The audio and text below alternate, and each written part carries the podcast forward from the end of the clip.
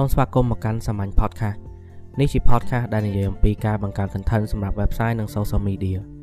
ស្វែងរកសាមញ្ញ podcast នៅលើ Google Podcast Apple Podcast Spotify និង Anchor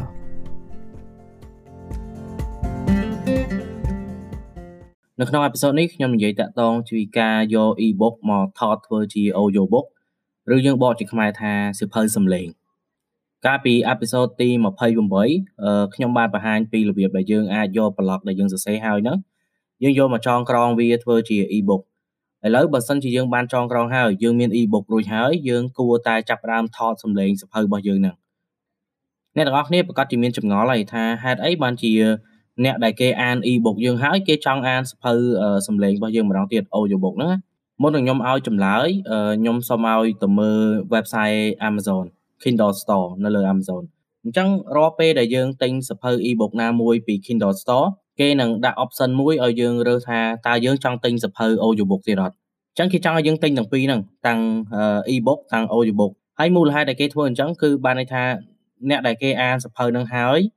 គេនឹងចង់ស្ដាប់សភៅជាសំឡេងម្ដងគេអត់ចង់អានម្ដងទៀតទេព្រោះគេធ្លាប់អានហើយឯងតែគេចង់ស្ដាប់ម្ដងនៅពេលដែលគេទៅនេឬពេលណាដែលគេធ្វើដំណើរទៅផ្លូវឆ្ងាយអញ្ចឹងគេអាចស្ដាប់អាហ្នឹងបាន ការស្ដាប់ audiobook ជួយឲ្យអ្នកអានដែលអានបានម្ដងហើយចងចាំអ្វីដែលគាត់អានហ្នឹងបានច្រើនជាងមុនបើសិនជាគ្រាន់តែអានម្ដងហើយគាត់ទុកចោលគាត់អាចចាំបានទេប៉ុន្តែបើសិនជាគាត់អានផងគាត់ស្ដាប់ផងធ្វើឲ្យអាការចងចាំរបស់គាត់ហ្នឹងវាកើនឡើងជាងមុនហើយអ្នកអានគេដឹងខ្លួនគេដែរថាអ្វីដែលគេអានហើយហ្នឹងវាល្អឬមិនល្អបើសិនជា e-book យើងមានប្រយោជន៍ល្អនៅពេលដែលយើងចេញជា audiobook គេប្រកាសជាស្ដាប់ម្ដងទៀតទេបាទហើយយើងក៏បាន content មួយទៀតដែរ content យើងដូចគ្នាប៉ុន្តែខុស format គ្នា មួយជាសំឡេងមួយទៀតជាសភៅអក្សរធម្មតាហើយសម្រាប់ការថតវិញយើងអត់ចាំបាច់ថតខ្លួនឯងទេបើសិនជាសំឡេងយើងមិនសូវពីរោះឬក៏យើងមិនប្រកែអានសភៅវែងវែងយើងអាចពឹងឲ្យអ្នកដតីជួយថតឬក៏ជួលគេទៅជួលគេថតក៏បានដែរថាសភៅមួយក្បាលហ្នឹងគេយកប្រមាណគឺយើងឲ្យគេប៉ុណ្្នឹងទៅហើយបន្ទាប់មកយើងបានអាអាហ្នឹងទុកជាឯកសាររបស់យើងហើយក្រោយពេលដែលយើងបានជា audio book ហើយយើងអាចយកវាទៅធ្វើ marketing បាន បើសិនជាយើងលក់ audio book ក៏យើងអាចដាក់លក់បានបើសិនជាយើងមិនចង់លក់ទេយើងគ្រាន់តែទុកឲ្យ free សម្រាប់អ្នកដែលគេទិញ e-book យើងហើយក៏បានឬក៏យើងប្រើទាំង e-book ទាំង audio book សម្រាប់ free ជា marketing material របស់យើងក៏បានដែរ audio book ជាផ្នែកមួយនៅក្នុង content marketing ដែលសំខាន់មែនទែនដោយសារតែវាតាក់ទងជាមួយនឹងសំឡេង content របស់យើងគួរតែមាន3ទី1គឺ content សម្រាប់អាន content សម្រាប់ស្ដាប់និង content សម្រាប់មើលអញ្ចឹង content សម្រាប់មើលគឺវីដេអូ បាទ content សម្រាប់ស្ដាប់គឺអាចជា audio book audio book ឬក៏ជា podcast អ្នកខ្លះទៀតគេអត់អាចថតជា audio book បានគេថតតែ blog ដែលគេសរសេរហ្នឹងណាគេសរសេរ blog ហើយគេថតជា audio ដាក់នៅលើហ្នឹងទៀតដើម្បីឲ្យអ្នកដែលគេចូលមកគេខ្ជិលអានគេចុចស្ដាប់ទៅហើយគេធ្វើការងារអីគេផ្សេងឬក៏គេពាក់កាសធ្វើការនៅក្នុងក្រុមហ៊ុនអីចឹងគេអាចស្ដាប់បានចឹងអាការប្រើប្រាស់សម្លេងនៅក្នុង content marketing វាជួយយើងបានច្រើនមែនតើជួយឲ្យ content របស់យើងហ្នឹងបានទៅដល់ដៃសំទោសមិនមែនទៅដល់ដៃទេ បានទៅដល់តិចអ្នកដែលគេស្ដាប់ហ្នឹងគឺគ្រប់ពេលវេលាទាំងអស់ឲ្យតែគេចង់ស្ដាប់ព្រោះថ្ងៃនេះគឺយើងធ្វើ content ដើម្បីរងចាំអ្នកស្ដាប់មានពេលហើយគាត់ចូលមកស្ដាប់ audiobook គឺអញ្ចឹងយើងមិនមែនដើរហុចអាហ្នឹងឲ្យគេហេស្ដាប់អានេះតិចស្ដាប់អានេះតិចទេនៅពេលណាដែលគេចង់ស្ដាប់គេមាន content ស្ដាប់នៅពេលណាដែលគេចង់អានគេមាន content អាននៅពេលណាដែលគេចង់មើលគឺគេមាន content មើលយើងធ្វើ content marketing គឺយើងគប់ចិត្តអ្នកដែលគេតាមដាន content យើងរបៀបអញ្ចឹង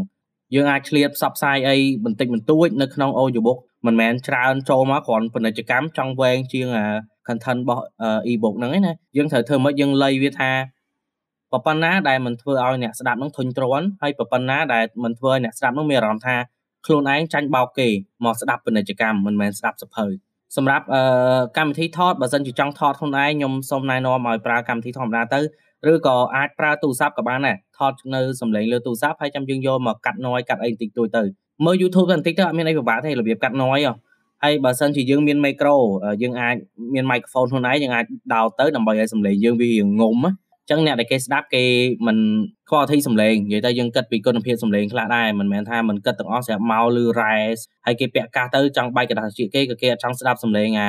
audiobook របស់យើងនឹងដែរចឹងបើសិនជាយើងអាចជួយអ្នកស្ដាប់យើងបានបន្តិចយើងអាចចំណាយលុយខ្លះទៅលើ microphone ដើម្បីបានសំឡេងល្អបន្តិច ហើយព្យាយាមធ្វើឲ្យ file ហ្នឹងទូចមកកុំ file ធំខ្លាំងពេកអញ្ចឹងខ្ញុំមានតែប៉ុណ្្នឹងទេនៅក្នុងអេពីសូតនេះហើយអ្នកទាំងអស់គ្នាអាចទៅបកទៅស្ដាប់អេពីសូតទី28ឡើងវិញបើអត់ទាន់យល់ថាតើ convert ពី blog មក ebook ធ្វើរបៀបម៉េចហើយបើសិនជាស្ដាប់ហើយអាចស្ដាប់ម្ដងទៀតក៏បានដែរដើម្បីកុំឲ្យវាដាច់គ្នាព្រោះ episode 2នេះគឺជាប់តាក់ទងគ្នាហើយអ្នកដែលអត់ទាន់ចុច subscribe កុំភ្លេចចុច subscribe ផងដើម្បីបានទទួល episode ថ្មីៗទៀត ដែលចេញស្ទើរតែរៀងរាល់ថ្ងៃខ្ញុំអត់អាចអឺធានាថាចេញបានរាល់ថ្ងៃទេដោយសារតែពេលខ្លះខ្ញុំអត់មានប្រធានបទហើយពេលខ្លះខ្ញុំរវល់អត់បានថតទុកមុនអញ្ចឹងក៏អត់បានដាក់ផ្សាយដែរអឺអ្នកទាំងអស់គ្នាដែលចូលចិត្តស្ដាប់ podcast ហើយអត់អត់អត់មាន podcast ជាភាសាខ្មែរអាចស្ដាប់ podcast ខ្ញុំមួយទៀតបានតែស្នាក់ខ្ញុំគេតាក់ទងជាមួយនឹងការងារនិងអាជីពនៅក្នុងស្រុកខ្មែរយើងខ្ញុំព្យាយាមសម្ភាសអ្នកដតីដែរប៉ុន្តែដោយសារគេអត់សូវមានពេលតនេជាមួយខ្ញុំ អញ្ចឹងរាល់ថ្ងៃនេះខ្ញុំធ្វើលក្ខណៈ solo គឺម្នាក់ឯងទេខ្ញុំរៀបចំប្រធានបទរៀបចំចំណុចមួយមួយដើម្បីយកមកនិយាយតែទៅថ្ងៃអនាគតទៅនឹងមានការសម្ភាសច្រើននៅពេលដែល podcast នេះទទួលស្គាល់ច្រើនគេឲ្យតម្លៃច្រើនបានគេអ្នកដតីគេមានពេលវិញមានពេលអត់ពេលគឺពឹងលើតម្លៃលើ podcast របស់យើងទេអរគុណ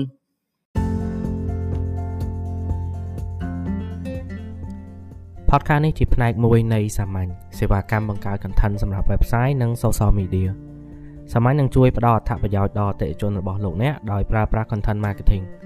ស្វែងយល់បន្ថែមពីសាមញ្ញនៅលើទំព័រ Facebook សាមញ្ញដែលសរសេរជាភាសាខ្មែរ